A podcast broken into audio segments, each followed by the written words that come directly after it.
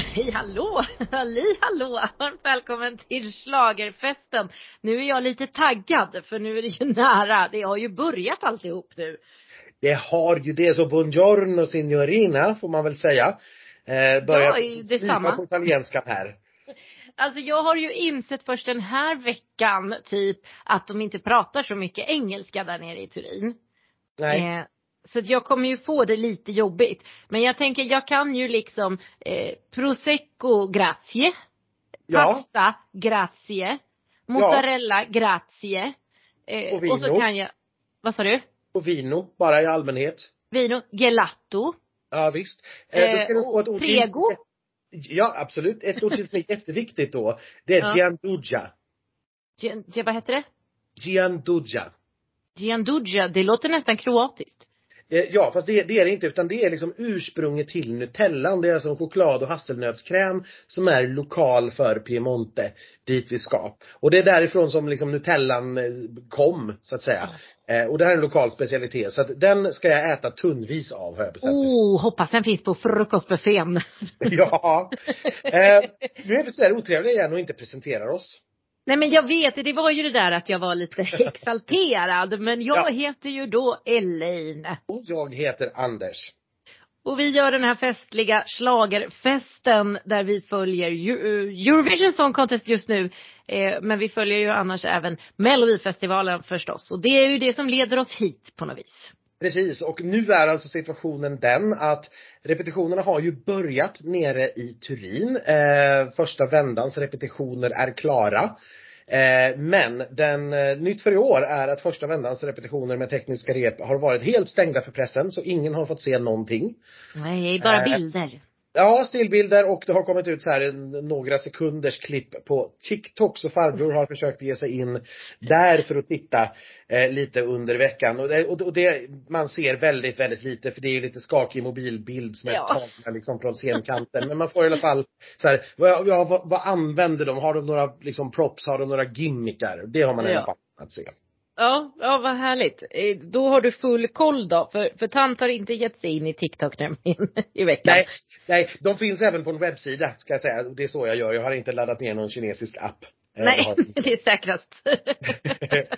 Eh, Så att vi har egentligen inte några updates sådär jättemycket ifrån Turin. Kanske lite grann, vi kan komma in på det. Men vi tänkte, vi pratade ju förra veckan om de som när vi går in nu i tävling är oddsfavoriter och då tänkte vi också att den här veckan så pratar vi om de som är våra favoriter utöver de som är i toppen på oddset då. Så då har vi fått välja tre stycken var. Eh, helt enkelt och berätta lite om dem. Minns jag att jag hade med Tjom och Ukraina eh, bland de där tre och det visade sig vara, ja det gick ju betydligt bättre för den än vad oddsen sa från början. Ja, det tycker jag är fantastiskt. Vi får väl se om vi lyckas med det här i år också då.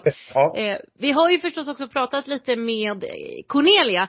Eh, hon har ju haft världens he- mest hektiska schema här inför att hon åkte till Turin här måndag den 2 maj. Men vi hann med henne eh, under en lunch på ett hotellrum i Amsterdam för några dagar sedan. Så ni ska få höra vad hon hade att säga också förstås inför eh, resan till Italien. Vad gör du i Amsterdam? Nu äter jag kakor. Ja, det är bra i och för sig. Jag hoppas det är riktiga kakor och inte Amsterdamkakor. Jaha, jag bara, nu vänta nu. Ja, det här är riktiga kakor, jättegoda kakor. Men det är så här typiskt eh, Amsterdamkakor. De är kända för sina, de är kända för sina stroopwafels. Med så här tunna våfflor med kolakräm. Exakt. Och samma med choklad. Mm, det tror jag. Nej men vi är här och gör promotion. Vi ska göra ett tv-program ikväll. Tror jag. Mm. Mm, så att ehm, det gör vi här. Vad roligt. Då fick du revansch på Mm. Amsterdam ändå på något sätt. Vad sa du? Ja exakt, exakt. För jag var blivit sjuk där ja. Ja. Mm. Men hur, hur har det varit sen Mello? Hur, ser- hur ser dagarna ut? Är det så här du liksom flänger till Amsterdam ena dagen, Madrid nästa dag, hemma en dag? Mm, det har absolut varit lite så. Det har varit lite så. Uh, ja, så det har verkligen gått i ett. Det är typ så att jag kommer inte riktigt ihåg vad jag har gjort känner jag. Men, uh, men det har varit mycket så. Um, och um, så här, inspelningar inför så här, uh, mycket grejer som Eurovision vill ha. Um, som man då ska liksom spela in och, och fixa med och, och sådär. Och sen så är det mycket att typ förbereda. Det är ju liksom två veckor i, i Turin. Och då vill man ju inte komma dit och se ut som någon lodare eller sådär. Man måste ju för fan ha lite kläder och det, de har tagit slut och så här, du vet. Så det, det har varit mycket typ eh, sånt. Förbereda liksom outfits och fixa med videos och ja, hej och hå. Ja, eh, om, om, om vi börjar, för att det som har varit publikt i alla fall som vi har kunnat se via video det är de här förfesterna du har varit på i London och Madrid. Eh, Amsterdam mm. blev ju tyvärr inte. Hur var den upplevelsen? Det var helt sjukt faktiskt. Jag tror inte jag, jag hade ingen aning om vad jag skulle förvänta mig där. Ehm, och ehm, eh, det var nästan lite så här, jag kände typ att jag blev lite religiös när vi var i London för att det var så här eh, när man kom dit och, och framförallt när vi kom liksom på ehm, när man fick träffa fansen första gången, alltså när vi liksom körde ordentligt på scenen för innan var det mest press i ett pressrum men bara liksom eh, och det var ju också skitfett. Men det var något väldigt, väldigt speciellt att spela för de här det här crowdet för att det liksom var så mycket energi och kärlek och, och, och det verkligen glittrade i ögonen på folk.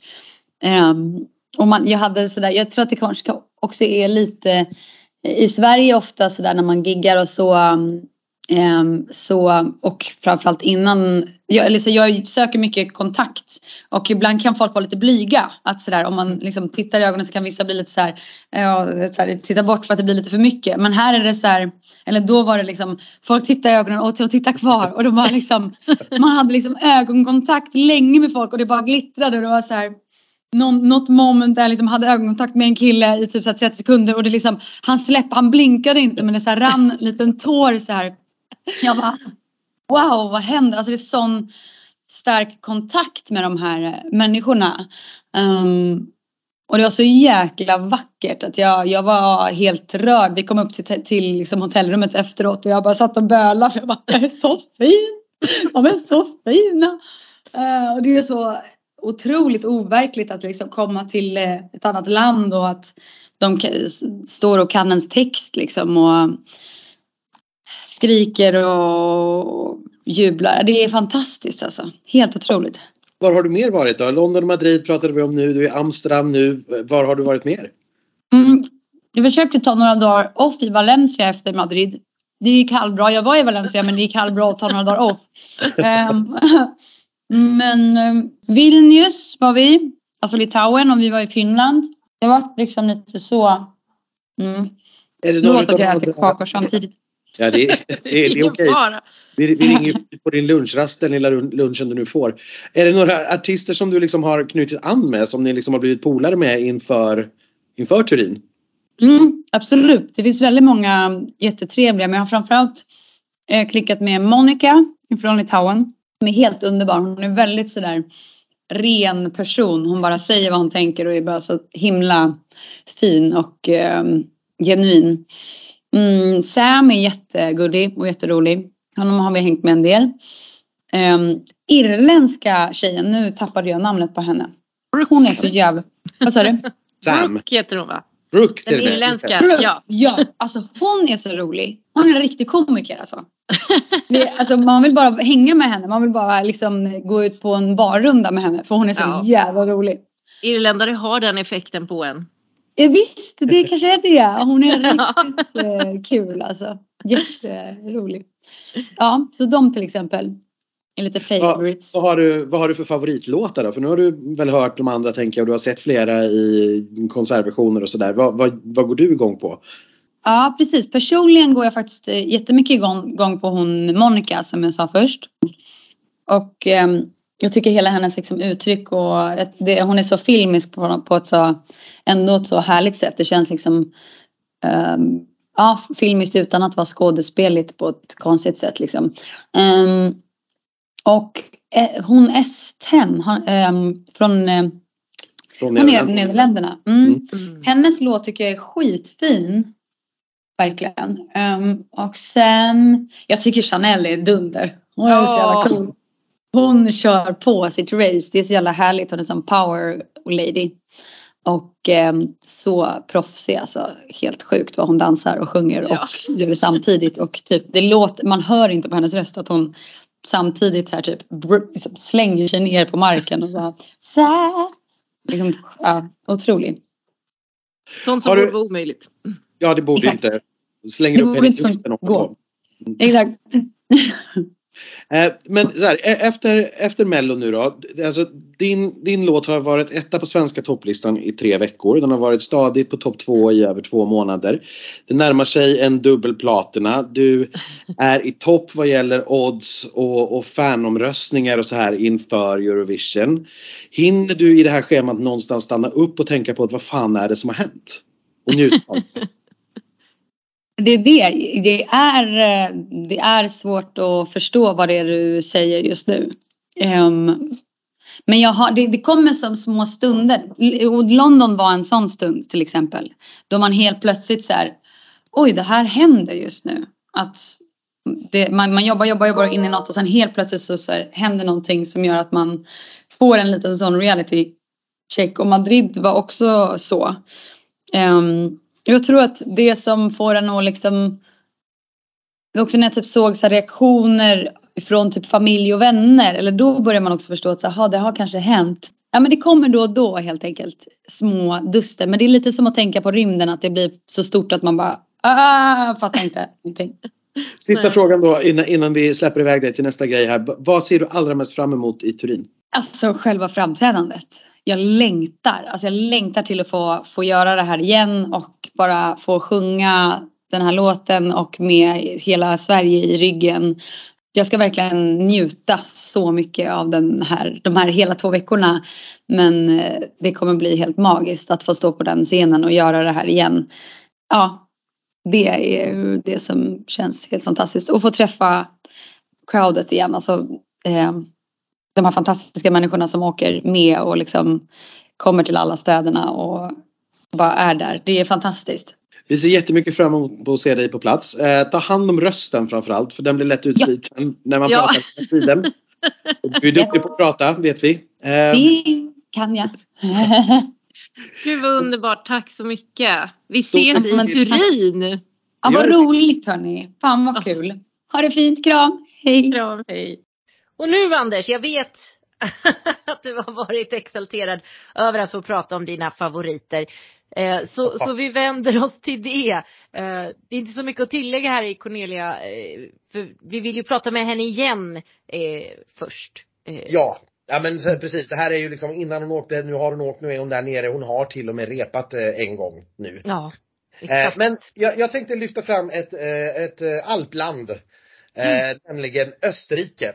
Som- Ordeladi jordelodi. Ja, precis. De- De skickar kanske, vågar jag säga, tävlingens största stjärna.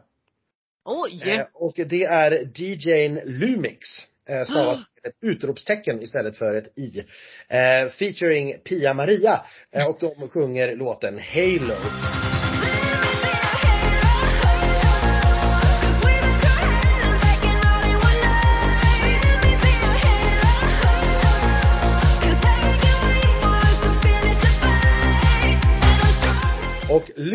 Är alltså en, en DJ, musikproducent, låtskrivare som har legat bakom en hel dratta med jättehits och har därmed många hundra miljoner strömmar på Spotify eh, och på alla andra plattformar också. Inte minst eh, har han ju skrivit den här låten Thunder som ju eh, Klara Hammarström blev lite beskylld för att ha kanske inspirerats lite av i sitt mellobidrag. Den var, den var väldigt lik, det får vi säga.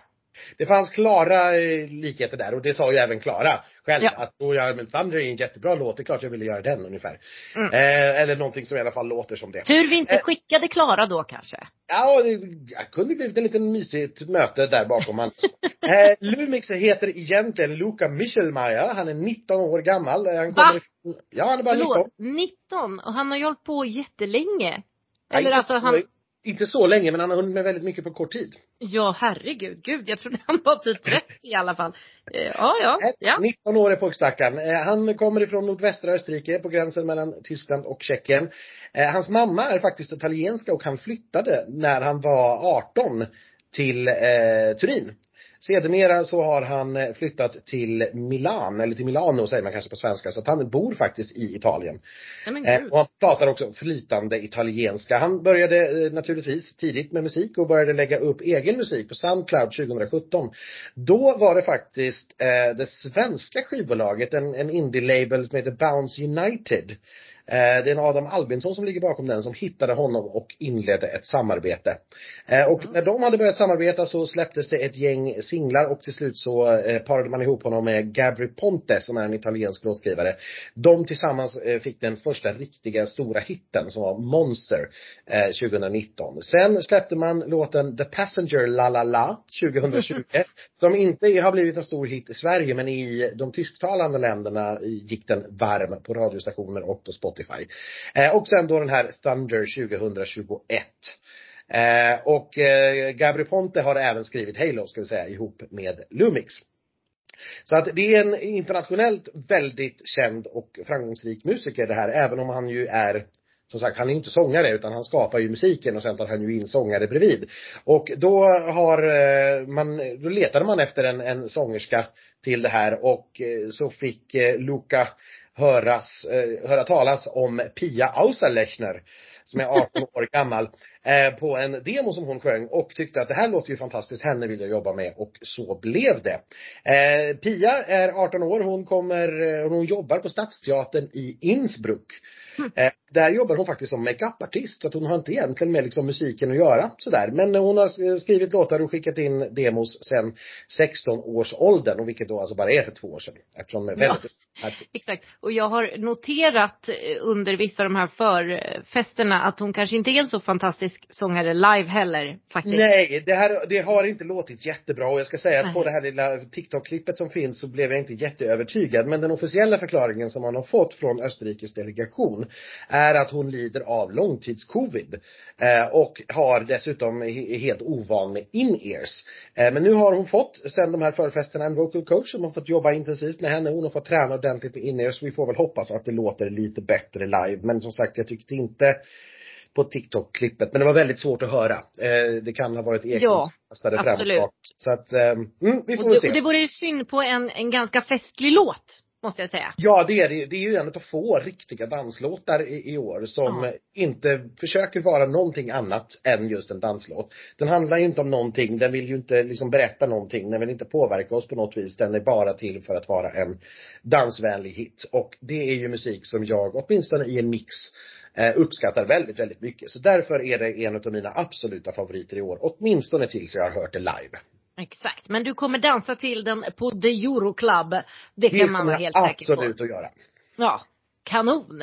Vad härligt. Jag tycker också den är, den är festlig faktiskt. Just för att i år är det ju inte så mycket party. Och den där, den blir man ju lite glad av då helt enkelt. Ja, den behövs ju. Den skulle absolut behövas i finalen. Så att jag hoppas verkligen att hon sjunger åtminstone tillräckligt bra för att ta sig dit. Ja, och kul när stora namn kommer in i tävlingen tycker jag. Ja, precis. Men de brukar, eller brukar, men de har också historiskt kunnat ha det svårt. Alltså när Mm. Gigi Bobo till exempel tävlade gick inte så bra. Kate Ryan har varit med och tävlade, gick inte så himla bra. Så att vi har Bonnie Tyler. Bonnie Tyler, precis. Eh, om det nu fortfarande är ett stort namn, jag vet inte. Men Kate, både Kate Ryan och DJ Bobo var ju stora då. Eh, fortfarande. Exakt. Så hade vi Darude från Finland ju också. Ja. Ju Sådär, ja. Ja, Mm. nej så att det, det brukar vara lite svårt för dem och det här är ju inte ett lätt nummer men, men eh, ja, det var ett, jag tyckte det lilla man nu kunde se på TikTok tycker jag ändå att det såg bra ut. Så att, Mm. eh, ja, jag är positiv än så länge. Jag håller tummarna för din Österrike. Tack! Nu får vi se om du håller tummarna för min första favorit. Eh, vi brukar ju inte vara överens så att vi får väl se. Eh, min första favorit, eh, det här landet vann Junior Eurovision Song Contest nu senast. Är det en ledtråd du tar? Nej. Nej. Eh, Rosa Linn heter den här tjejen. Ja, det är från Armenien om jag inte minns fel. Det stämmer alldeles utmärkt. Vi Mm. har hittat till Vanadzor i Armenien. Därifrån kommer Rosalin. Eller som hon egentligen heter då, Rosa Kostandian. Inte jättebra på armenska. Men Det är klart hon heter, ja. Ja, det är klart hon heter. Ja. och 2013 var hon faktiskt själv med i Junior Eurovision Song Contest, eller i alla fall i den armeniska uttagningen. Eh, och då var hon med med en låt som heter Gittem. Och det vet jag att det betyder gå. Och det har jag kollat upp, nämligen. Det är inte så som Ja. sagt att jag kan armeniska på något sätt. Sen september 2021 så släppte hon sin debutsingel. Hon blev nämligen hittad av ett amerikanskt skivbolag då. Den hette King och den gjorde hon tillsammans med den amerikanska sångerskan Kiara. Och sen gjorde hon tv-debut i just Amerikat förstår du och i Armenien. Public Television Company of Armenia har en morning show som är väldigt stor och där fick hon vara med och sjunga i november 2021 så hon är ganska ny här också. Ja, hur Ja. gammal är kvinnan? Ja, eh, hon fyller 22 år den 20 maj. Så precis Ja. efter Eurovision så fyller hon jämnt. Eh, född alltså år 2000, vilket är helt sjukt. Då, då var jag på mitt första Eurovision. ja, du ser. Oh, hur gamla vi har blivit. Eh, låten heter Snap. So I'm snapping one, two.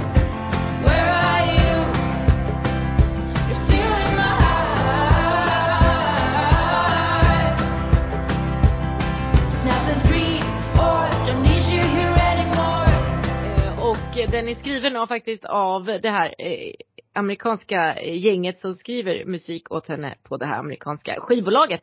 Och de är så många så jag tänker inte ens nämna allihopa. Eh, det är en sån här härlig tio personers låt det här. Just precis. Eh, Men fantastiskt fin tycker jag faktiskt att den är och därför vann den mitt hjärta i den här favorittävlingen. Mm. Ja, men jag håller faktiskt med. Jag tycker också att den är ganska skön. Jag, tycker, jag blir lite irriterad på texten och jag hör den lite för tydligt. Så Ja. därför, därför irriterar den mig lite. Men absolut, jag tycker absolut att den har någonting som, den har ett ganska skönt driv och ett ganska skönt liksom gung, sväng, liksom det finns en skön rytm och takt i den som jag, som jag gillar. Men och jag får för mig, jag har inte lika bra koll på liksom armenska bidrag i Eurovision genom tiderna men jag får för mig att det är ett ganska oväntat bidrag för att vara från Armenien också. Att det är en sån här modern poplåt. Ja, där brukar de nog kanske inte vara. De brukar vara mycket mer antingen åt danshållet eller åt känsliga balladerhållet. Mm, det är nog min bild också. Utan att ha Mm. gjort någon eh, sammanställning på. Nej, precis. Eh, men så är det. Mm. Den är fantastisk tycker jag. Så jag hejar på den. Heja Armenien! Ja. Eh, jag fortsätter eh, då ner till ett land som vi bara nämnde som snabbast eh, i förra avsnittet. Eh, för de här ryms inte i topp fem på oddset, men de ryms i Big Five. Och det är ju då Frankrike.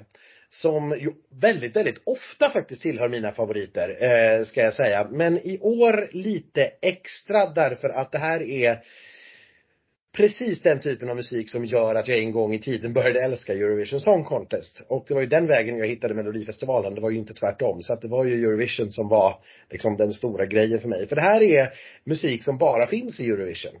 Mm. Eh, och, och det kan vara bara, bara dåligt och bra men, men i det här fallet tycker jag att det fungerar alldeles, alldeles utmärkt. Det är Alvan och Ahes eh, heter de, eller kallar de sig, den här gruppen som eh, sjunger en låt på bretonska. ja, och det är ju också något som du går igång på förstås. Det går jag ju igång på. Minoritetsspråk och udda språk och såna här grejer tycker jag ju alltid är, är, är jättekul. Låten heter Fulen.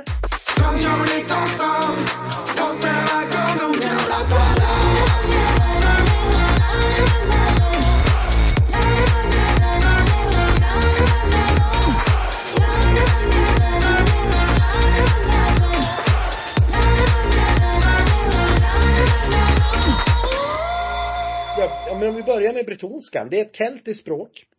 Just. Det talas i Bretagne. Eh, Det är den här lilla ja, spetsen i Frankrike, nord, nordvästra Frankrike som sticker ut mot Storbritannien precis norr om Biscayabukten. Rennes är största stad. Det är ett minoritetsspråk som talas av cirka 200 000 som modersmål, så det är på utrotningsväg kan man väl säga. Ja men verkligen. Det är ganska nära beslaktat med den utdöda eh, korniskan i Cornwall och i kumriskan i Wales som ju också finns kvar då. Eh, Ja. och Alvan har uttryckt, eh, Alvan är den manliga sångaren, han har uttryckt att eh, tradition för honom det, det är ständig förändring. Eh, för annars så stelnar en kultur och och eh, dör på ett museum ungefär. Så att man måste Mm. utveckla kultur och tradition annars så kommer den att dö. Mm. Eh, och han träffade, han, han har jobbat med musik sedan 2011 men började heltid 2015.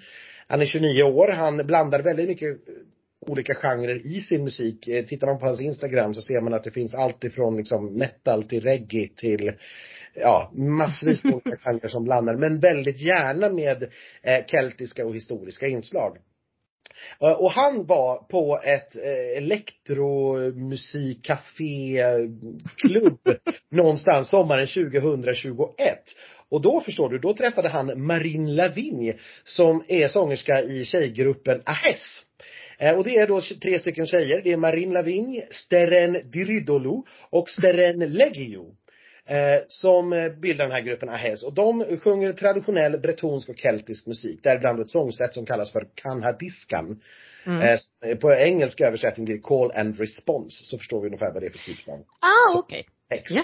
Eh, och de, eh, ja, jag ser framför mig hur de drack några glas vin, blev lite och bestämde sig för att de skulle skicka in en låt tillsammans till den franska uttagningen till Eurovision och trodde naturligtvis inte att de hade någon chans alls på ett minoritetsspråk som ingen förstod. Franskan Nej. Utav språkfascister. Men både jury och tittare tyckte att de var bäst, så de vann.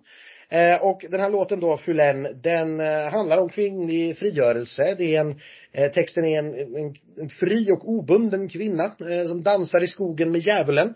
Eh, och hon bryr sig inte det minsta om vad andra tycker om den saken. Fulen betyder eh, gnista eller liten flamma eller någonting Ah. sånt där.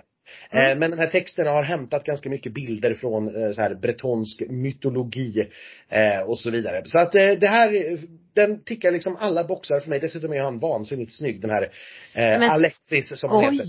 Riktigt. inte. De där så att- ögonen är magiska. Ja, så att det är alla boxar för mig det här och det är också en låt som man kan dansa till. Den har ju en ganska djup house basgång i grund och botten som man kombinerar med den här keltiska traditionen. Så att jag, jag, för mig är det alla boxar. Ja, jag förstår det. Och eh, det är ju lite sådär årets tjom då, bokstavligt talat. Alltså den handlar om lite, eh, Naturromantik och, och lite så, absolut. ja och historia och, och, ja. Vad spännande. Jag tycker också den är fantastisk. Jag trodde inte heller den skulle ha en chans att vinna. För det var ju en annan låt som var otroligt stor favorit i Frankrike.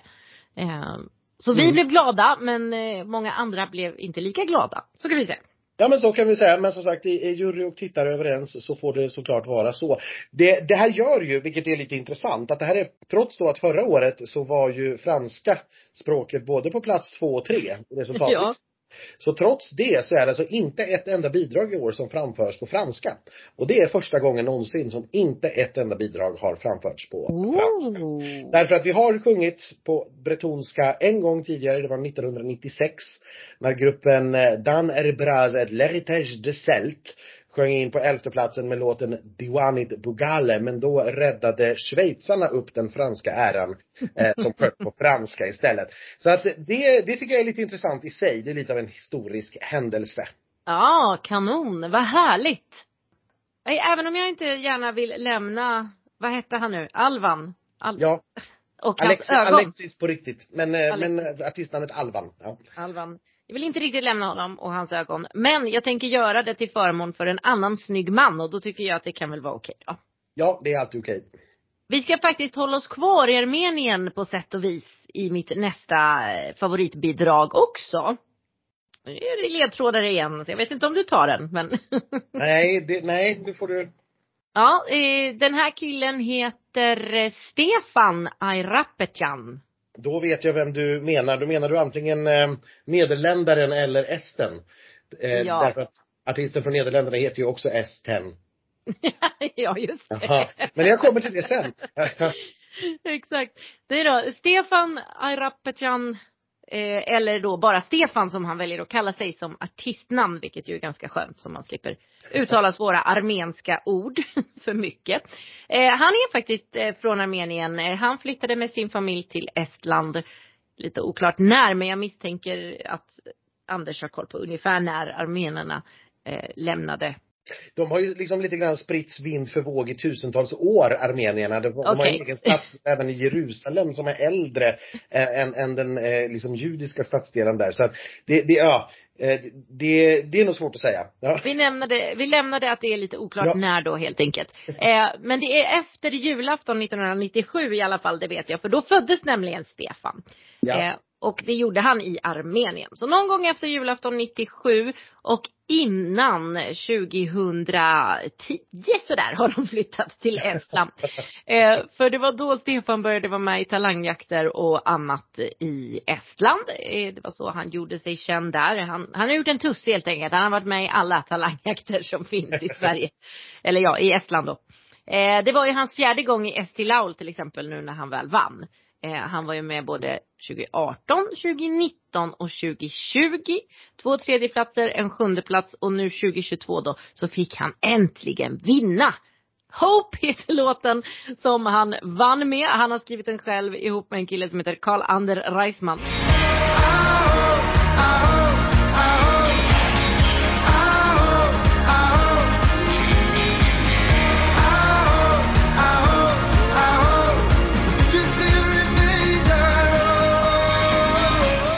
Roligt också eh, att Stefan, trots att han var gömd bakom en mask nästan hela 2020, för vet du vad han gjorde då? Jag gissar att han var med i Masked Singer. Han var med i Estlands Masked Singer. Vet du vad det heter? Det heter Maskis Laul. Förlåt. Ja, ja, det heter ja. alltså Maskis Laulga. Ja, jo, men ja, det hade jag kanske gissat på. Alltså, Laul är ju sång så att Ja, eh, och olika- Maskis, ja, masksång Ja, ja, helt enkelt. inte helt obegripligt, nej. Nej, eh, och han var vädur där. Och vann hela skiten. Ja, Och samma år då, trots att han var bakom den här masken som vädur, som såg ganska läskig ut faktiskt, eh, så blev han utsedd till Estlands sexigaste man. Och det är därför han är på min lista här som favorit. Inte bara, eh, låten är också hyfsat bra, men framförallt så är Stefan en väldigt fager man och jag tycker Estland förtjänar lite uppmärksamhet. Mm. Ja, jag håller faktiskt med dig, ja jag håller med dig om att det är en stilig man såklart, men Ja. jag tycker också att det här är en nästan lite underskattad låt faktiskt på odds och annat. Jag är lite förvånad att den inte går bättre. Mm. Eller hur? Den ligger alltså just nu någonstans Ja, i en stor klump med länder naturligtvis som, som det blir här men liksom neråt så här 15, 20 plats någonstans på oddslistan. Eftersom den är helt egen. Det finns ingen annan låt som är i närheten av att vara det här. Nej. Så, nej, den skulle absolut, tror jag, kunna ta sig in i en topp 10. Eller hur? Med, med rätt staging, och då menar jag en bättre staging än de hade i, i Estland. För det här med, med cowboyar som ska stå och skjuta på varandra på scenen, nej. det, det blir liksom inte, nej. Jag säger nej. Nej, Nej. för det blir tydligt ändå att det här är en countrylåt. Exakt. Det, behöver liksom inte- inte för, förhöjas med eh, hästar kan man ju ha. Han kanske kan ringa till Anna Bergdahl och låna hennes hästar bara. Ja, det, de är ju över så att säga och ha det på contentet nu när den här solen inte funkar. Den ska vi också återkomma till. eh, nej men så att det, det blir för övertydligt. Man måste inte befinna sig i vilda västern bara för att man sjunger country. Man måste inte det. Men för låten i sig tycker jag är tillräckligt stark för att ha en chans att ta det här eh, ganska långt. Mm, Han kanske kan ta på sig vädursdräkten från Masked Singer annars. med. Eh, Då får man ju inte se hur sexig han är i och för sig. Eh, För det var en väldigt läskig kostym som jag sa. Jag kan lägga upp den på Instagram sen. Men eh, ja, det kanske kan vara något Ja, nej, och vi vet ju att det finns jättemånga Bagge-fans i Sverige om inte annat. Haha, tjadaboom! Tack. Tack för det. Då håller Ja. vi med hittills om bådas favoriter. Det tycker jag är härligt. Nu ska vi se om jag även håller med om din tredje favorit då. Ja, det här är ju mitt riktigt stora eh, Alltså det är den jag på riktigt brinner för i, i år och som jag verkligen, verkligen, verkligen hoppas kan ställa till med en liten smärre skräll. Eh, det är Serbien. Just kvinnan Eh. som tvättar händerna. Kvinnan som tvättar händerna och den som, hon som tvättar händerna hon heter eh, Konstrakta.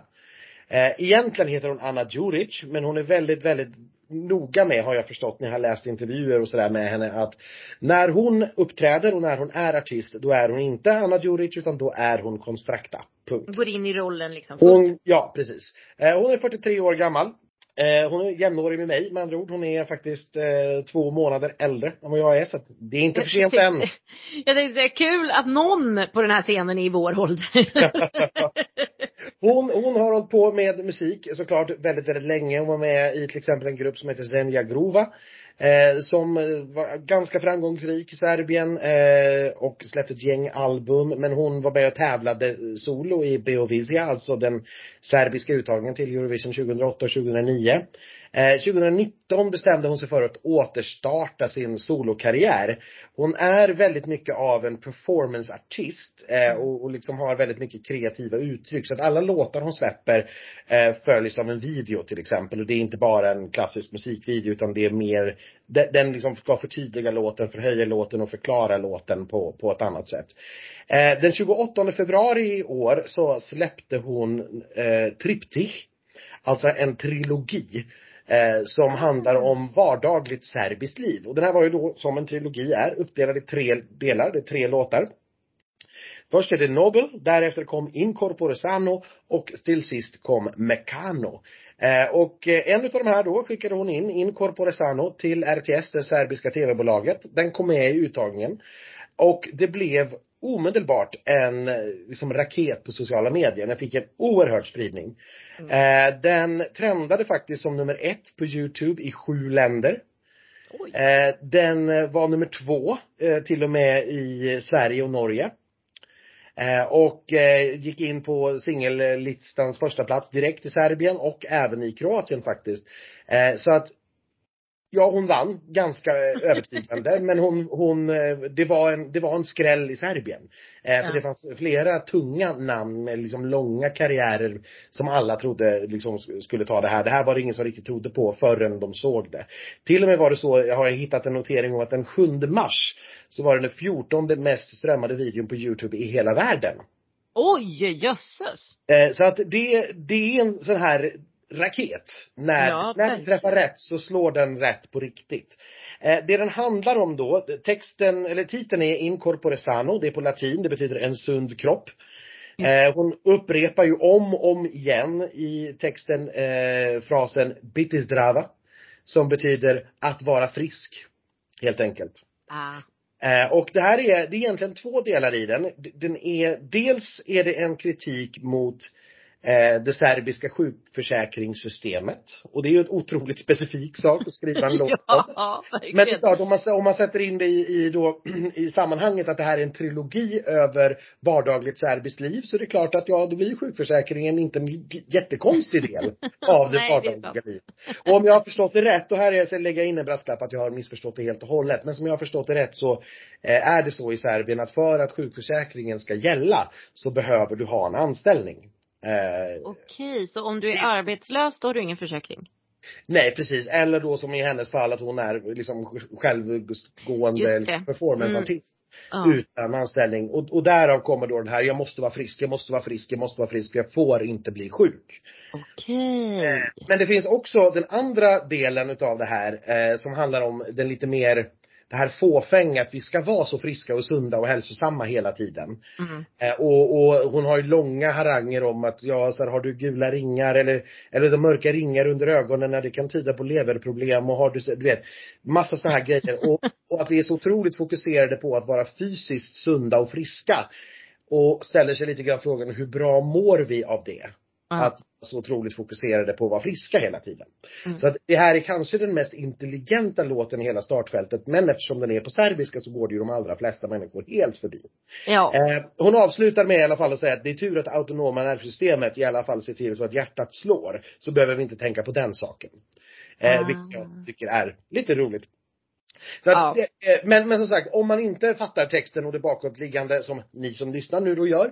Så Mm. kan man ju bara gå igång på att klappa eh, händerna i takten, titta på den roliga kvinnan som tvättar händerna och sjunger Bittis drava, Bittis drava. Exakt. Eh, och så tycker jag att det är ganska roligt i sig själv. Så att jag, jag hoppas och tror faktiskt att det här skulle kunna bli en sån raket som får fart under repetitionerna när, när repetitionsklippen släpps ut ordentligt, när publiken får börja möta de här låtarna på riktigt så hoppas Ja. jag att det här ska kunna ta sig en rejäl väg. För det här borde, med den bakgrunden jag just nu har berättat, faktiskt slå an hos jurygrupperna. Ja, det kan man ju Samtidigt- faktiskt tycka. Som det borde slå an hos ganska många tittare som tycker det här är kul. Jag har bara en enda sak, eller nej det har jag inte. Två saker till har jag att säga om det. Kör! För att den, ja, ni märker ju hur exalterad jag blir här. när jag Ja, pratar. jag älskar det. Eh, den allra första raden i texten, eh, som hon har ju en georg, georgiansk kör bakom sig som mässar på latin. Såklart hon har. Jag menar, Ja. eh, ja, det, om, om det inte framgick så har hon det. Första raden de mässar fram är onas eroprokni. Vilket då är incorpore sane bak, baklänges. Eh, det är lite kul. Men därefter så är hennes, hennes egen öppningsrader Koeli tainas dravekosse Meghan Markle. Koljetajna, zdrave kose, Mega Markle Koljetajna Biti zdrava, biti zdrava, biti zdrava Biti, biti, biti, biti zdrava, biti zdrava Och där hejar ju alla till. Vadå Meghan Markle? Ja. Och då säger hon det en gång till.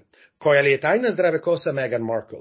Vilket betyder, vad är hemligheten bakom Meghan Markles friska hår? ja.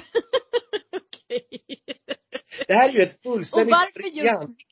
Ja. Ja, hon tycker väl att Meghan Markle har ett väldigt friskt hår. Det inte. har hon ju i och för sig. jag avslöjar sen i nästa rad att det handlar om eh, hydratatia, alltså eh, fuktighet. Att hon Ja. återfuktar håret och ja, gör mycket inpackningar.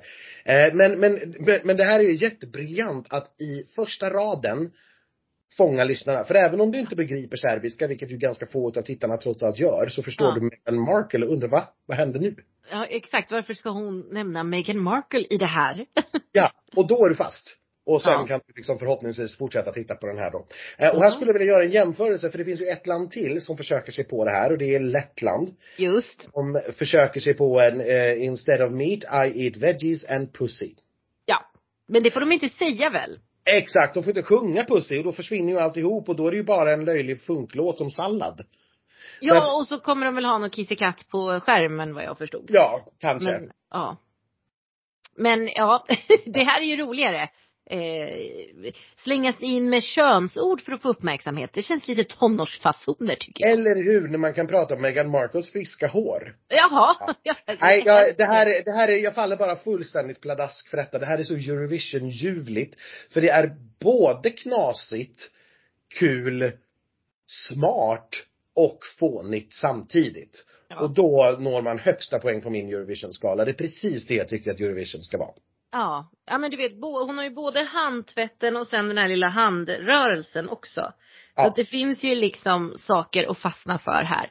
Jag var Eh, lite orolig faktiskt för att det sades eh, från arrangörshåll att man inte skulle tillåta vatten på scen.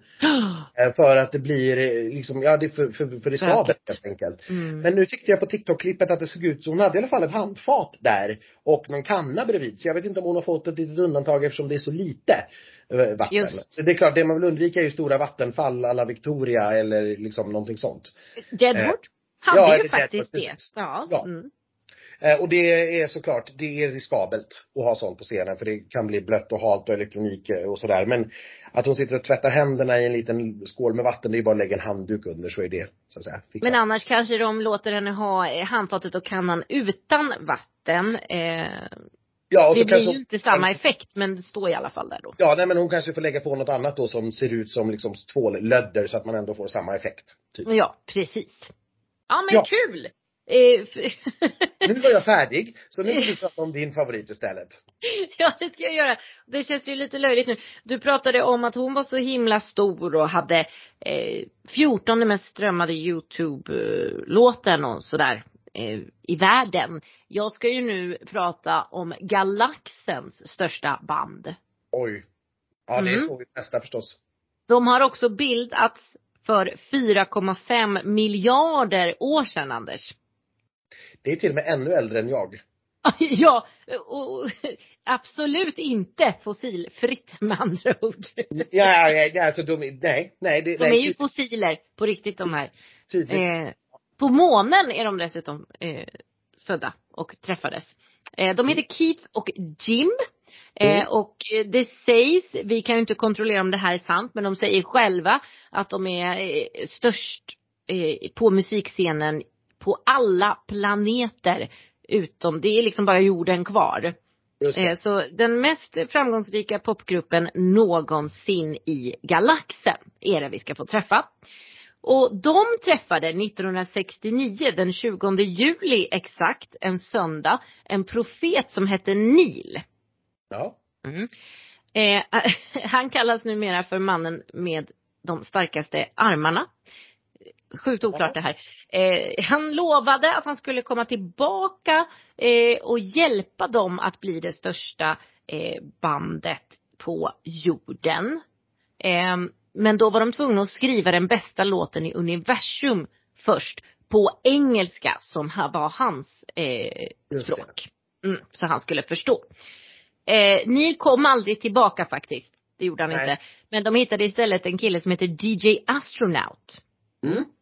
Och nu då så har de eh, den bästa låten någonsin. Som någonsin har existerat. Eh, Enligt dem själva då. Give that wolf a banana heter den. Och de har Mm. alltså kommit då till jorden nu för att ta över den musikaliska tronen även här. Och nu då till slut i Eurovision Song Contest. And before that wolf eats my grandma, give that wolf a banana, give that wolf. And before that wolf eats my grandma,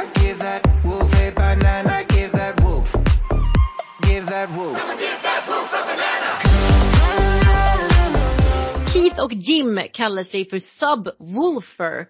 Och det är alltså en kombination mellan Subwoofer och Wolf då, för de som inte förstod det. Eh, give that wolf a banana. Eh, de ska tävla för Norge. De här månpojkarna då. Eh, sju miljoner strömmar är de uppe i, eh, lite drygt, mer än så till och med tror jag, på Spotify. Så de har ändå lyckats hyfsat bra. Men om man jämför då med den här serbiskan så är det ganska lite. Eh, Jag vet inte om de har koll på det.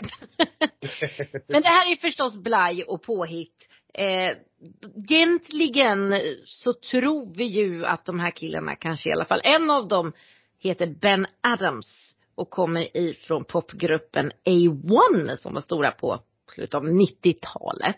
Mm. Och den Och vi- andra är vi ganska säkra på heter Gaute Ormåsen. Som är en gammal idoldeltagare och som också har ställt upp i Grand Prix i Norge flera tillfällen. Och sen tror vi ju, eh, och många med mig, eh, att den här humorgruppen Ylvis på något sätt ligger bakom eh, det här också. Man känner det på hela stilen. Men de kan tydligen inte sjunga Ylvis-grabbarna, alltså på riktigt. Man har ju sett dem i alla deras fantastiska humorklipp. Men inte tillräckligt bra för att sjunga live på en scen för hela Europa så småningom. Eh, Så vi tror att de kanske också ligger bakom det här på något sätt. Men har låtit Ben och eh, Ole va? Eh, Gaute. Gaute sjunga.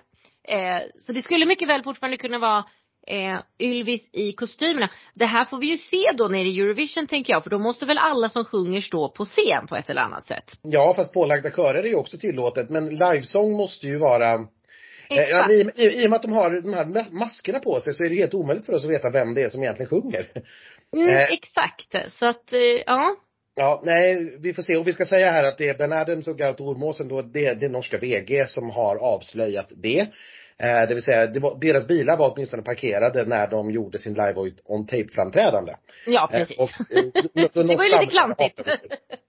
Men vi vet ju då inte, vi vet inte vem som har skrivit, vi vet inte vem som har producerat och vi vet faktiskt inte vem det är som sjunger på riktigt heller egentligen. Jag gissar att vi kommer att få veta detta efter Eurovision. För jag tror inte Vi att det här kan ju hoppas det i alla fall. Eh, Ja, jag tror, jag tror inte att det här är någonting de tänkte fortsätta med att leva i den här världen. Utan jag tror att det här var en kul grej som de gjorde för Grand Prix och så råkade de vinna. Och då var de liksom tvungna att fortsätta. Ja, men och det är ju så här, jag älskar ju när det är skojbidrag och framförallt Norges skojbidrag för de brukar vara väldigt härliga och jag älskar låten och jag älskar även framträdandet. Men jag tycker egentligen att när man tar historien så här långt eller spelar karaktären så här långt att man inte ens kan skriva i sin biografi eh, liksom Subwoolfer är bandet, de som ligger bakom är. Vi behöver kanske inte vara i karaktär. Eh, De satt ju till och med på månen i Grand Prix, deras fans, när de skulle filma från deras hemstad och så vidare. Ja. Jag vet inte, då tycker jag att det går lite för långt och blir lite töntigt. Men jag släpper det och eh, fokuserar på att eh, jag tycker allt annat är väldigt roligt med det. Ja, nej, men jag, jag är helt på samma linje. Jag, det är en catchy refräng och de har en snygg dans. Eh, och det sätter sig och det är kul och sen kan jag också tycka som, som du säger att det är lite småfånigt. Samtidigt så vet jag, ja, man, de var väl nästan tvungna att köra in i kaklet när de nu hade börjat det. Jag tror, jag tror som sagt inte alls att det här var meningen att de skulle vinna. Eh, Nej. i Grand Prix. Det var nog inte alls det de hade tänkt sig utan de hade nog tänkt sig att kunna ta av de där maskerna efter Grand Prix-finalen liksom. Mm. Eh, Men nu blev det inte så och nu är de här och då ska de gå runt nere i Turin med eh, masker på sig. Ja, på- och det ska ju bli 27 grader varmt där nere. Jag vet inte riktigt hur de ska klara av det, men det blir säkert härligt. Ja, det blir ju jobbigt. Det var ändå inte värre än för Lordi som skulle gå runt i sina gummidräkter nere i Aten. Det var 30-35 grader där. Ehm, så att nej, det, det finns de som, vad gör man inte för konsten, så att säga? Jag menar, jag måste också säga att de är ju fyndiga människorna bakom det här ändå. Vem trodde att du någonsin skulle få lära dig om en profet som hette Neil som kom och hälsade på Subwoolfer 1969? Jag menar, Det, det var ju en, en, en naturligtvis en, en astronaut som åkte till månen då, eh, i den berömda första månlandningen men såklart. gud. Ja, men Jag har inte sett den här, jag har inte sett den kopplingen. du trodde att det var någon annan Neil som åkte till månen 1969? Nej, jag trodde bara att de hade tagit det från luften och bara hittat på det. Ja, ja, nej, nej. Det är ju det, the man with the strongest arms. Armstrong. Ja. Va? ja. Vi, vi sätter inte dig i panelen för nästa års eh, Masked Singer heller, tror jag. Men gud. Ja, polletten Ja. trillade ner. Det tog sitt tag. Men herregud. Ja. Ja, ja. ja. Ja. Ja, nåväl. Eh, nej men jag, det jag, tror att, kul för all, alla andra i alla fall. Och, jag, jag tror att det kommer gå ganska bra för Norge. Eh, jag tror att det här, eh, det är inte alls omöjligt att det här blir en, en ny Keino. Alltså att det här kommer att gå väldigt, väldigt bra hos tittarna till exempel. Men att jurygrupperna kanske håller ner det något. Det, det, det ser jag, jag tror absolut att det är en placering på övre halvan i finalen för, för Norge här. Det tror jag. Ja, och grejen är att även den här sticker ju ut i år. För det är egentligen en av de få flamsiga låtar, tramsiga saker som är med i år. Eh, som faktiskt också är lite bra. Ja, alltså eh, Känner vi oss klara med Norge? För vi kan gå in och prata lite vidare om ytterligare så här. Jag har bara några små kortisar jag skulle vilja ta upp och i alla fall liksom så att vi har nämnt dem. Eh, för att om vi, om vi tänker oss kategorin knasbidrag så måste Ja. ju både, både Serbien och Norge gå in där. Ja, men det Eh, gör och jag tycker att båda två är väldigt bra. Åt andra hållet har vi då kanske, jag tänker på Georgien till exempel. Cirkus Mirkus. Precis, och det här är ju, alltså det är psykedeliskt och det är helt surrealistiskt. Och låten, att den är så konstig, den växlar ifrån att jag tycker att den är lite så här trallvänlig till att det är fullständigt olyssningsbart, Ja. alltså oljud. Ja, den är. Så, alltså jag, det, jag skrattar ju varje gång jag hör den ungefär. Eh, just av den anledningen. så att, och och jag, det är alldeles för liten del utav det som jag liksom tycker det här var, var, var lite bra. Så att, men jag vill verkligen säga, jag tror inte att det där är chanslöst. Nej, det gud, det är ju sällan det.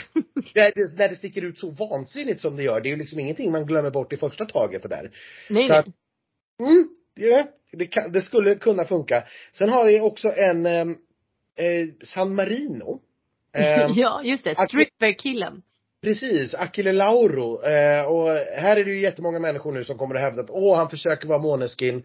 Eh, och, och på det svarar Achille själv att fast jag var tio år före Måneskin med Måneskin. Boom. Eh, för det är ganska mycket samma musikstil, det är ganska mycket samma typ av uttryck. Men Ja, det är helt det. korrekt att Akilla har gjort det tio år. Mm. Eh, Medan Måneskin började långt senare. Eh, men jag såg precis på hans TikTok här från repetitionerna nämligen att eh, han sitter alltså på sån här eh, radiotjur, en mekanisk tjur. Nej.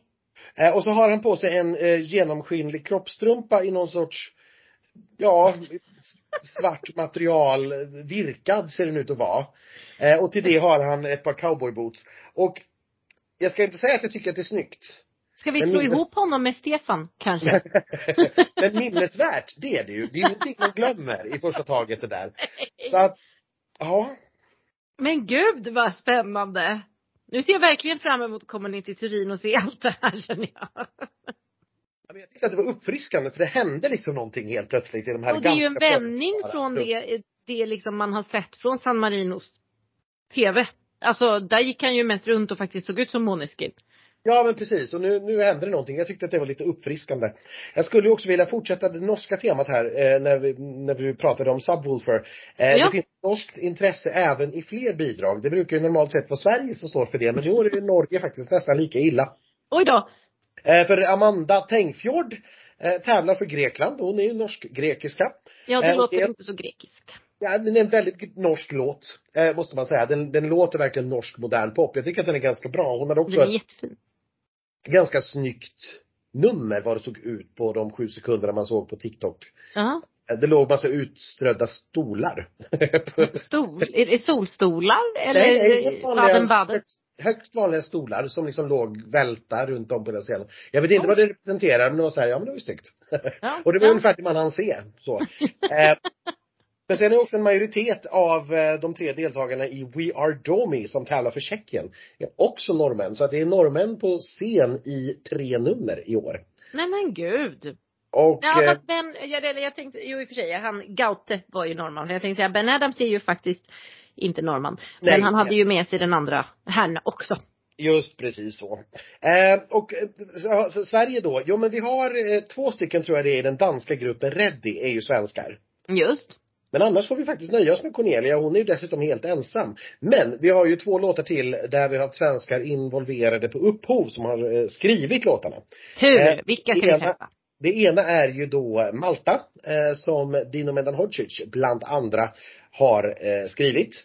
Eh, träffade ju honom i Los Angeles för några veckor sedan. Han kommer inte åka ner tyvärr, så honom får vi inte Nej. Jag tänkte säga det, ska du träffa honom även i Turin nu då? Men nej. Nej, tyvärr inte. Eh, och eh, det, det roliga med Maltas låt är ju att i deras uttagning, de har ju en semifinal och en final och det är stort och påkostat och eh, så. Eh, och sen får vinnaren byta låt om hen vill. Eh, Ja. Och det valde Emma Muscat att göra. Så hon valde då den låten som hon nu då ska tävla med som Dino Medan Hodzic har eh, skrivit. Och det går ju envisa rykten kring att det här då skulle vara en mello reject. Fansen reagerade direkt på att Dotter fanns med på crediten för körsång. Mm. Eh, och då spekulerades det ju vilt om det här var en mello reject då för Dotter. Och jag skulle snarare tro att det är en mello reject för en, ett annat band. Ja, alltså den som har hört Dotters musik kan ju inte på, eh, kan inte på allvar tro att det här var tänkt för henne. Eh, så att, men jag, jag frågade ju för säkerhets skull eh, både Dino och Dotter när vi träffades i Los Angeles och de bara skrattade och sa nej nej det här, det här var skrivet för Eurovision. Och hur den hade hamnat just i Malta, det visste de faktiskt inte riktigt. Men någon hade väl pitchat den för någon någonstans. Ja, det är inte. ungefär. Och att Dotter var med på kör, ja det berodde ju på att eh, Dino satt hemma och jobbade med den och behövde en röst till. Exakt. Och då var hon närmast till hans. Så det var liksom inte konstigare än så. Eh, men vi har också med Andreas Stone och Anders Wrethov som har skrivit Azerbajdzjans låt. Ja, ja, Eh. Breto blir man aldrig av med. Nej, tydligen inte. eh, och eh, nu eh, har han då skrivit den, den, den här låten. ehm, och det såg jag på TikTok också. De har släpat in en jättestor trappa. Eh, som sångaren vandrar runt i väldigt dramatiskt och väldigt teatraliskt. Ja, det är ju en är ju- dramatisk låt. otroligt dramatisk och väldigt teatralisk. Jag tycker inte, måste jag säga, nu, nu börjar det bli tjatigt att jag ska vara elak här mot Anders Wrethovs ballader, men jag tycker faktiskt inte om det här alls. Jag, Jag tycker- gillar den dock. Jag gillar den. Jag tycker Eh, bara att det är överspelat och teatraliskt och Jaha. eh, John vokal- Lundvik hade kunnat göra den tror jag. Han kan sälja vad som helst. Eh. Det är jag övertygad om. Nej, för här tycker jag bara det blir vokalakrobatik och jag har jättesvårt Mm. för det. När det bara Ja men det vet jag. Mm. Ja. Eh, Men kul om Anders kommer ner. Han är härlig att hänga med. Ja, eh, hoppas att han vill hänga med oss även om jag inte gillar hans låtar, höll på att säga. Ja, jag, jag får gillar väl- hans upptempo-låtar jättemycket. Jag, Ja. Hans ballader i år, nej inte riktigt. Nej, men, in. men jag gillar den Anders. Wrethov. Så Wrethov, du kan dricka vin med mig om inte Anders är välkommen. Det går bra. Ja, det är okej, jag förstår. Jag skulle vilja lyfta också en Dark Horse till här, eh, som inte heller riktigt finns med på oddsen och som jag tror är underskattad, och det är Nederländerna. Ja, den tror jag på alltså. Vi nämnde den här tidigare, det är S10 kallar sig artisten för och eh, uttalat då på engelska S10, eller S10. eh, Visst, ja. Eh, och det kommer helt enkelt från hennes namn, Sten. För på nederländska så heter ju 10 DN. Så att Sten, det är hennes namn. Eh, inte så mycket mer än så. Eh, hon Ja, det var ett mycket intetsägande TikTok-klipp vi såg på henne. Hon har gjort ett nummer tidigare med röda lasrar Mm. i ett TV, en tv-show som var helt makalöst snyggt. Mm. När jag har pratat med mina kontakter i det nederländska gänget så säger de att nej, efter vad de erfar så ska lasrarna inte med till Turin. Och det var ingenting var ju- som syntes på TikTok-kontot, eller på TikTok-klippet heller. Nej. Eh, men vi har ju verkligen bara sett några sekunder av det. Så att vi, vi får väl återkomma till det. Men det här, det är en låt som faktiskt går ganska mycket förbi mig personligen, men som jag verkligen, verkligen hör har stora kvaliteter och som jag förstår att väldigt många människor tycker om, gillar och går igång på. Det är återigen en sån här midtempo ballad, Mm. väldigt introspektivt och introvert. Mm.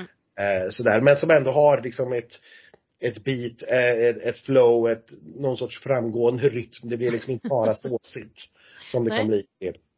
Så den vill jag verkligen lyfta fram som en potentiell dark horse här som Ja. vi inte pratat så mycket om. Nej, och jag håller med dig. Jag håller Bra! med dig. Ja, förutom att jag faktiskt gillar den. Jag tror den kommer växa på dig också. När du har sett den för sjuttonde gången, då kommer du gilla den. Nej men det är, det är så så här, när jag ser den, när den väl kommer på, om jag tvingas till det, så tycker jag om det. Det är bara att jag skulle liksom aldrig däremellan komma på tanken och liksom köa den eller slå på den på youtube eller någonting. Nej. Och jag har lite svårt att förstå själv vad det är som, in, som bara inte fastnar hos mig. Nej. Eh, men någonting är det. Eh, och det, det, får, det får väl vara så. Det är helt okej. Mm. Men den stora, vi har haft två stora snackisar ändå under de första dagarna av repetitioner. Vi ska väl avsluta med dem här tänkte jag. Dels så är det ju den här stora, den så kallade kinetiska solen. Ja, den är jag lite nyfiken på. Hur har det gått för den? Ja, det går ju inget vidare. Det är de här Nej. vågarna som alltså är på scenen, som är eh, med ljus och så vidare. Tanken med dem var att de skulle kunna röra sig 360 grader. Vilket då Just. skulle kunna göra att du gör rörliga nummer. Eh, och flera länders delegationer, bland annat Litauen, har varit ute och berättat att de har satsat 30 000 euro för att få specialanpassad LED. Så att det liksom ska passa in när den här kinetiska solen då rör sig. Just. Nu när repen sätter igång så upptäckte de att motorn funkar inte som den ska på den här. Så den kan inte röra sig 360 grader utan den kan liksom bara röra sig lite fram och tillbaka. Åh nej. Eh, och eftersom de är italienare så har de bestämt sig för att lösa det genom att inte lösa det. Utan det, blir, De kommer inte fixa den? det kommer inte fixas. Utan den kommer att vara, eh, och därför i rättvisans namn så ser man till att den är helt still för alla tävlingsbidrag. Men de som har betalat massa pengar, får de tillbaka sina pengar då? Nej, det får de ju inte utan de får hitta på ett helt nytt nummer på plats istället som tack. Åh Eh, herregud. Det är lite jobbigt såklart. Eh, då får vi Eh. vara tacksamma att Cornelia har ett väldigt enkelt nummer där den här inte var inräknad på något sätt. Ja, vi hoppas att den inte var det i alla fall. Eh, Ja. vi, vi tänkte på vad Lotta sa förra veckan, att hon, hon förstod att en del eh, delegationschefs eh, hade liksom satt andan lite i halsen. Jag förstår nu mer vad det är hon menar ja, Eh, så, så den, däremot kommer den att kunna röra på sig i lite mellanakter och såna här grejer och i andra delar. Men just för tävlingens skull så gör, vill man göra det rättvist och då är den helt still. Ja. Men det innebär alltså att det är en svart eh, halvcirkelblob i, i bakgrunden på en del nummer som inte alls var tänkt att vara där. Som man nu behöver lösa på olika sätt och med ljus eller andra vinklar eller så. Herregud. och det är såklart en, en jättestor snackis som jättemånga är väldigt, väldigt upprörda över med allt. Såklart, med all rätt ja. Eh, och sen har vi en annan, eh, en annan stor snackis och det är Albanien som var allra, allra först ut med att repa i eh, lördags. Just. Eh, och då publicerades det ju ett gäng bilder därifrån som det gör på Eurovisions hemsida. Ja. Eh, och de publicerade även eh, sina bilder på sitt Instagramkonto. Men sen några timmar senare, eller det var nog till och med på söndagen, Mhm. så tog man bort det här albumet och la upp ett nytt album med två bilder borta. Vad var det som hade hänt då? Och då var det här alltså en bildserie som hade över 25 000 likes på, på Instagram. Så det är väl ingenting man tar bort i första hand. Sådär. eh, nej. Eh, men ryktena säger ju då att det här var bilder som var lite för närgångna. På den ena så hade, eh, nu, gud, nu har jag glömt bort vad hon heter, Ronella heter hon. Ronella och hennes dansare, händerna eh, på the private parts, så att The säga. private parts, ja. Och den andra bilden minns jag inte, men att det skulle ha varit för utmanande och att man därför behöver göra om den delen av koreografin som så att säga är så utmanande. Eh, och sen, men vi vet inte riktigt vem det är som tycker att det har varit för utmanande. Är det det albanska tv-bolaget? Eller är det RAI? Eller är det EBU? Eh, den andra bilden Ja. handlade om att hon, eh, Ronella, dansade med den enda kvinnliga dansaren och det var en ganska intim dans. Eh, och då vet vi inte så här, har det att göra med att det var två kvinnor eller har det att göra med att det var intim dans? För det har vi ju sett många gånger förr och vi har ju sett Mm. kyssas på scen. Ja. Eh, vi har ju varit väldigt, liksom, även om det är en familjeunderhållning och alltihop det här och det går före The Waterfall i, i Storbritannien och sådär, så, så vi brukar ju vara tillåta ganska mycket liksom av artistisk integritet. Och det uppstod väldigt, väldigt mycket ryktespridning men eftersom ingen har sett numret Ja. Nej. och, och ingen säger någonting, ingenting rapporteras. Eh, det är bara liksom glada nyheter som kommer ut från, eh, från arenan och presscentret som alltså inte är öppet. Det är bara fantastiska framträdanden och underbara nummer och allting är ljuvligt. Så är det lite så här, man hamnar lite grann i ett vakuum och har ingen aning om vad vad är sant här egentligen. Det vi vet är att de här två bilderna försvann. Eh, vi har sett att eh, koreograf och Ronella själv har reagerat i, i sociala medier och varit väldigt besvikna och ledsna. Men Okej. vi vet fortfarande inte vem ligger bakom det och vad är det som egentligen har hänt. Så att det här får framtiden utvisa. Ja, det där låter ju inte jättebra ändå. Att man har börjat censurera saker där. Nej, och det riktigt jobbiga är ju att ingen har sett det. Det pågår saker som ingen får se och rapportera om utan vi är helt i händerna på att RAI och EBU rapporterar. Ja. Eh, och det... Nej. Jo det men för visst är det bra. så att första repet brukar inte vara stängt? Eller? Har det alltid varit stängt? Nej, det första, det första repet brukar vara öppet. Det, brukar, det har inte varit öppet att vara i arenan de senaste Nej men att åren. det, Men brukar komma klipp liksom. det, det brukar strömmas eh, på, det, på online-presscentret som det gjorde förra året och Mm. det brukar strömmas in i presscentret så att man får sitta och titta på det. Mm. Eh, däremot, får liksom, däremot så läggs det bara ut kortare klipp. Där är det, så att säga, det är något som sker live och sen lägger arrangören ut ett kort klipp på Youtube. Eh, men folk brukar kunna se det. Nu har man inte ens fått göra det utan alla sitter och spekulerar på liksom sju sekunders TikTok och sju bilder som EBU har valt ut. Eh, och det är en mycket olycklig Mm. och att det här beror såklart på att man har det här samarbetet med TikTok som man har. Det är ju ett affärs eh, alltså, man, men det är ett samarbete helt enkelt. Att TikTok har ensamrätt på första repet. Att lägga ut det. Men då får Eh, de ju lägga ut mer. Herregud. Ja, och, och det här är väl också då ett gäng delegationer som jag har förstått det som inte har velat det utan man har velat ha det stängt för att man ska kunna eh, att man inte ska kabla ut liksom det första repet på den första scenen. För det är första gången man gör det här numret på riktigt kanske så här. Och jag kan Men det väl- hade vi ju i mello i år också för all del. Att vi inte fick vara i arenan på första repet. vilket vi brukar få. Ja, Eh, men då, då mm. får vi åtminstone en genomkörning Ja. hela. Ja, precis. Eh, och här får vi sju sekunder från en handhållen mobiltelefon vid scenkanten. Det är en stor skillnad liksom. Ja, gud Eh, ja, Nej, verkligen. men, och, och det, blir, det blir på något vis ännu värre när det är just då kinesiska TikTok och med alla de kontroverser som har varit kring det företaget. Att de Mm. går in och styr och samtidigt så blir det därmed eh, liksom Ja, nej, det, det här är, det- är inte en jättesnygg soppa faktiskt. Men vi vet Nej. väldigt, väldigt lite. Det har kommit väldigt lite officiella uttalanden. Det finns väldigt lite att reagera på. Så att, ja, vi får väl lugna ner oss lite och se vad som händer här framåt. Men jag är mycket besviken på att man har valt den här vägen. För det, har inte, det är inte bra för någon. Ingen tjänar på det här. Vi har till och med sett idag att en del delegationer har filmat själva och lagt ut på Twitter och sådär. För Oj. att liksom försöka få lite uppmärksamhet för sin artist. För nu finns det ju Ja. inget för någon att skriva. Det finns ju inget, det finns ju inget att rapportera. Ingen har ju sett något. Det pågår Nej. en svart låda som ingen har en aning om vad det är. Eh, ja, så att eh, jag tror att, jag tror att det där får man nog tänka om. Eh, om det, ja, det, Vi får, vi får tänka om höll jag på att säga. Vi får undersöka saken på plats helt enkelt och se vad det är som egentligen pågår. Ja, precis. Se vad som eh, händer när vi är där på plats eh, istället. Eh, men eftersom ingen har sett någonting så har det inte heller skett några egentliga stora rörelser på oddsen. Det skulle jag vilja avsluta med. Det som har hänt är att just Grekland har klättrat upp några få placeringar. Ja. Men annars är det mycket, mycket små rörelser. Det är liksom ingen som har eh, skjutit iväg eller ingen som har liksom chockat någon. Men det beror ju också som sagt på att vi har knappt sett någonting. Nej, så det där kommer börja hända snarare då när folk börjar med sin andra repetition som faktiskt kommer då, att då kommer det att eh, börja röra på sig på de här oddsen förmodligen. Eller så Mm. gör det inte det.